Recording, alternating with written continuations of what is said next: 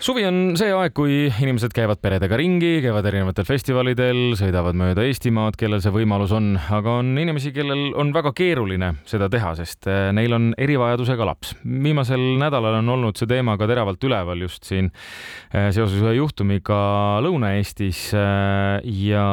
ja kindlasti ei ole see nii mustvalge, nii nagu sellest on hiljem ka juttu olnud, kõik see, mis seal oli, aga, tõstatanud on see ikkagi küsimus, et kuidas saaksid ka need lapsevanemad, kellel tõesti on erivajadusega laps, ka ise vahepeal puhata. ja meil on hea meel tervitada stuudios nüüd Sotsiaalministeeriumi erivajadustega laste poliitika juhti Brit Tammistet, tere hommikust! tere hommikust! no Brit, äh, ma ei tea, kui palju on üldse võimalik äh, nendel, kes, kellel on erivajadusega laps praegu kusagil nii-öelda käia selles mõttes, et kui tõesti on, ma ei tea, nädalavahetusel oli Viljandi folgifestival, kuidas tundub kasvõi tunnetuslikult, et kui palju on võimalik võtta oma erivajadusega laps ja minna sinna praegu tänases Eestis?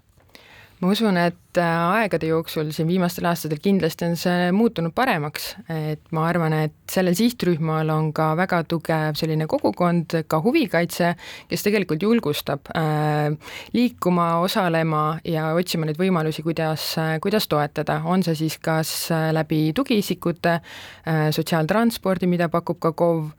aga ka sellise heade praktikate jagamise, et äh, kuidas tekitada seda tuge siis perele, et mis oleks tema võimalus äh, osaleda ühel või teisel üritusel või siis äh, oma igapäevatoimetusi toimetada. aga ma kohe tooksin välja siia selle mõtte ka, et igaüks meist kindlasti kujutab kuidagi ette, kes on erivajadusega laps, milline on see erivajadusega pere et neid erivajadusega lapsi ähm, ühel või teisel moel siis erivajadusega on äh, mitukümmend tuhat ja, ja nad tegelikult kõik on ju erinevad ähm, lähtuvalt sellest, et äh, kas see erivajadus kuidagi paistab välja, on see tulenev äh, liikumispuudest, mis tahes, ja see kindlasti mõjutab ka seda, mis on siis selle lapse võimalus osaleda kas hariduses, huvihariduses, üritustel ja samamoodi tema pere. et võib-olla minu üks selline sõnum oleks ka, et me mõtleksime nendest erivajadusega lastest ja peredest avatult ja, ja et ei võtaks neid sellise homogeense sihtrühmana ja, ja omakorda siis kindlasti on nende hulgas neid, kes, kelle jaoks sellised barjäärid on, on võib-olla suuremad ja, ja kindlasti vanemate selline isiklik ressurss, mis neil on, võib ka varieeruda, et äh, seetõttu peab äh, ka tugisüsteemid äh, oskama märgata teadlikult, et kuhu seda tuge siis võib-olla juurde oleks vaja ja sihitatult just, et see on võib-olla selline üks oluline märksõna. aga sinu puht arvamus või tunnetus, millises osas on Eestis selles valdkonnas kõige rohkem arenguruumi veel? Ehm, ma ütleksin, et üks selline kõige põhilisem võib-olla soov ja, ja märksõna oleks see, et see lapsevanem, kes on oma erivajadusega lapsega, et see ei oleks selle lapsevanema selline roll või ülesanne või võimalus ka loomulikult äh, see tuge, mida tema vajab, siis ise otsida. et äh, minu nägemus ja, ja siin riigiasutuste nägemus kindlasti on see, et see süsteem võiks olla ümber pööratult et sellel hetkel, kui siis kas riik või mõni asutus saab teada, et meil on erivajadusega laps, siis tema vajadusest lähtuvalt, nii et see on hinnatud teadlikult, äh, sest spetsialistid ju puutuvad selle sihtrühmaga sagedamini kokku, lapsevanema ja pere jaoks võib olla esmakordne, et äh, nii-öelda proaktiivselt selline võib-olla kole sõna, aga mõte on, mõte on ilus äh, pakkuda siis äh, seda tuge, mida konkreetselt see pere vajab. Ja, ja kindlasti võib olla ka see, et äh, lapse arengu ja eluea jooksul see, see vajadus muutub, et võib-olla teismeeas tekivad seal siis sellised täiendavad vajadused, aga, aga igal juhul, et see ei oleks selline lapsevanema õlul koormus, kas siis erinevaid taotlusi täita, sõita asutuste vahel, ka, ka füüsiliselt joosta paberitega, et ja siin on ka viimasel ajal, sellel aastal ka mõningaid muudatusi olnud. kui kaugel me oleme sellest pildist, et mhm. tõesti märkab äh, süsteem eelnevalt juba, mitte ei pea inimene hakkama ise otsima? ma toon võib-olla ühe näite ja, ja tegelikult ongi soov ka rääkida nendest, äh, nendest praktikatest, mis meil on, et mis on positiivsed, et ei jääks selline võib-olla äh, foon, et erivajadusega laps on koormus, sest äh, võib-olla üks jah, teema siia veel vahele, et, et äh, paljud erivajadusega lapsed ju ise on teadlikud oma sellisest seisundist või, või diagnoosist, erivajadusest ja panevad ka tähele, et kuidas neist räägitakse, kuidas nad nii-öelda siis tavalapsega võrreldes on. Aga see positiivne näide siis, ähm, mille potentsiaali me kindlasti tahame kasutada ja saame kasutada, on see, et äh, kui lapsele on äh, puude raskusastet taodeldud ja sõltumata nüüd sellest, et kas siis see puude raskusaste lapsel on, on puue või ei ole puue, selle fakti kohta saab kohalik omavalitsus teada, ehk et kohalik omavalitsus sellest aastast saab teada, ilma et lapsevanem oleks siis eraldi omavalitsuse poole pöördunud, enda piirkonnas elavatest puudega lastest või siis nendest lastest, kellel on puuet taodeldud. ja see tähendab seda, et see kohalik omavalitsus, sotsiaaltöötaja, lastekaitsetöötaja peab ühendust võtma selle siis lapse perega ja, ja hindama lapse abivajadust,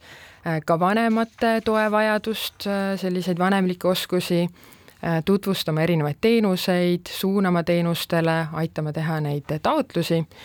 ehk et jah, see puudetaotluse tegemine hetkel on ikkagi nii-öelda vanemapoolne, aga sealt edasi äh, ja jällegi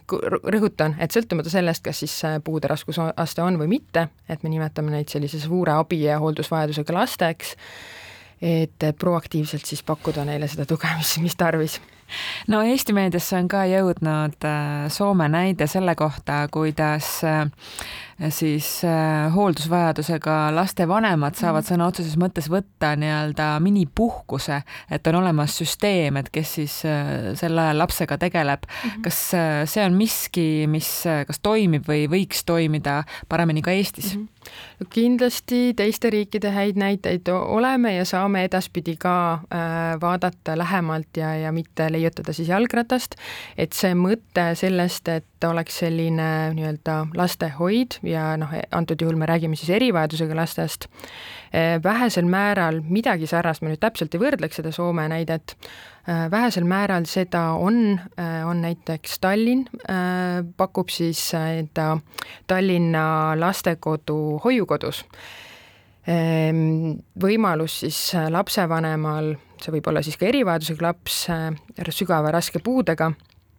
tuua, loomulikult see käib läbi taotluse, eh, enda last siis hoidu paarist tunnist, päevast kuni pikema perioodini, aga kindlasti ei ole see selline püsiv hoid. Ehm, kui ma nüüd õigesti mäletan, siis aastas eh, selle võimaluse kasutajaid on paarkümmend, ehk tegelikult Äh, üsna väike osa, kõigist äh, erivajadusega lastest ja, ja siis lapsevanematest peredest. Ehm, see on siis äh, lapsevanematele tasuta, aga, aga kindlasti neid võimalusi võiks olla rohkem ja noh, üks võimalus põhimõtteliselt on veel, on Eestis olemas asendushooldus, mida siis kohalikud omavalitsused peavad ja, ja Sotsiaalkindlustusamet panustab sinna ka. Äh, ja see asendushooldus siis mõnel juhul on võimalik, siin ei pea olema tingimata erivajadusega laps, aga sellise suure abi- ja hooldusvajadusega laps äh, äh, vanema nõusolekul siis äh, paluda, et äh, laps võetakse äh, asendushooldusele, aga seal on oma, oma teatavad tingimused, et asendushooldusel viibivad ka teised lapsed, kellel, kus siis vanematel on hooldusõigus ära võetud näiteks, et kuidas need ruumid võimaldavad, et nad ei äh, seal puutuks selles mõttes kokku, et on lapsed, kes on püsivalt hooldusel ja, ja siis oleksid justkui lapsed, kes käivad sisse-välja. et ma usun, et siin on arenguruumi küll aga ka korraldatakse näiteks Eesti Agrenska fond äh, sellist ööpäevaringse äh, hoiu või, või hoolduse võimalusi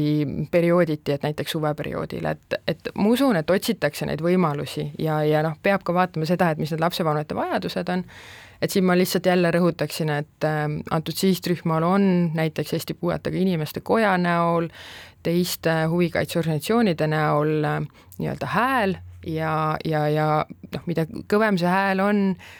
ehm, seda paremini kostub ka välja, et me ei saa lahendada, mis need probleemid on, et me ei saa kindlasti lahendada neid probleeme, millest me ei tea. Ehk siis tuleks ka erivajadustega lapsevanematel ise esialgu olla, näidata seda nii-öelda proaktiivsust ehk siis olla ka ise natukene aktiivsed, siis saame ka midagi vastu nii-öelda teha ja leida need kitsaskohad üles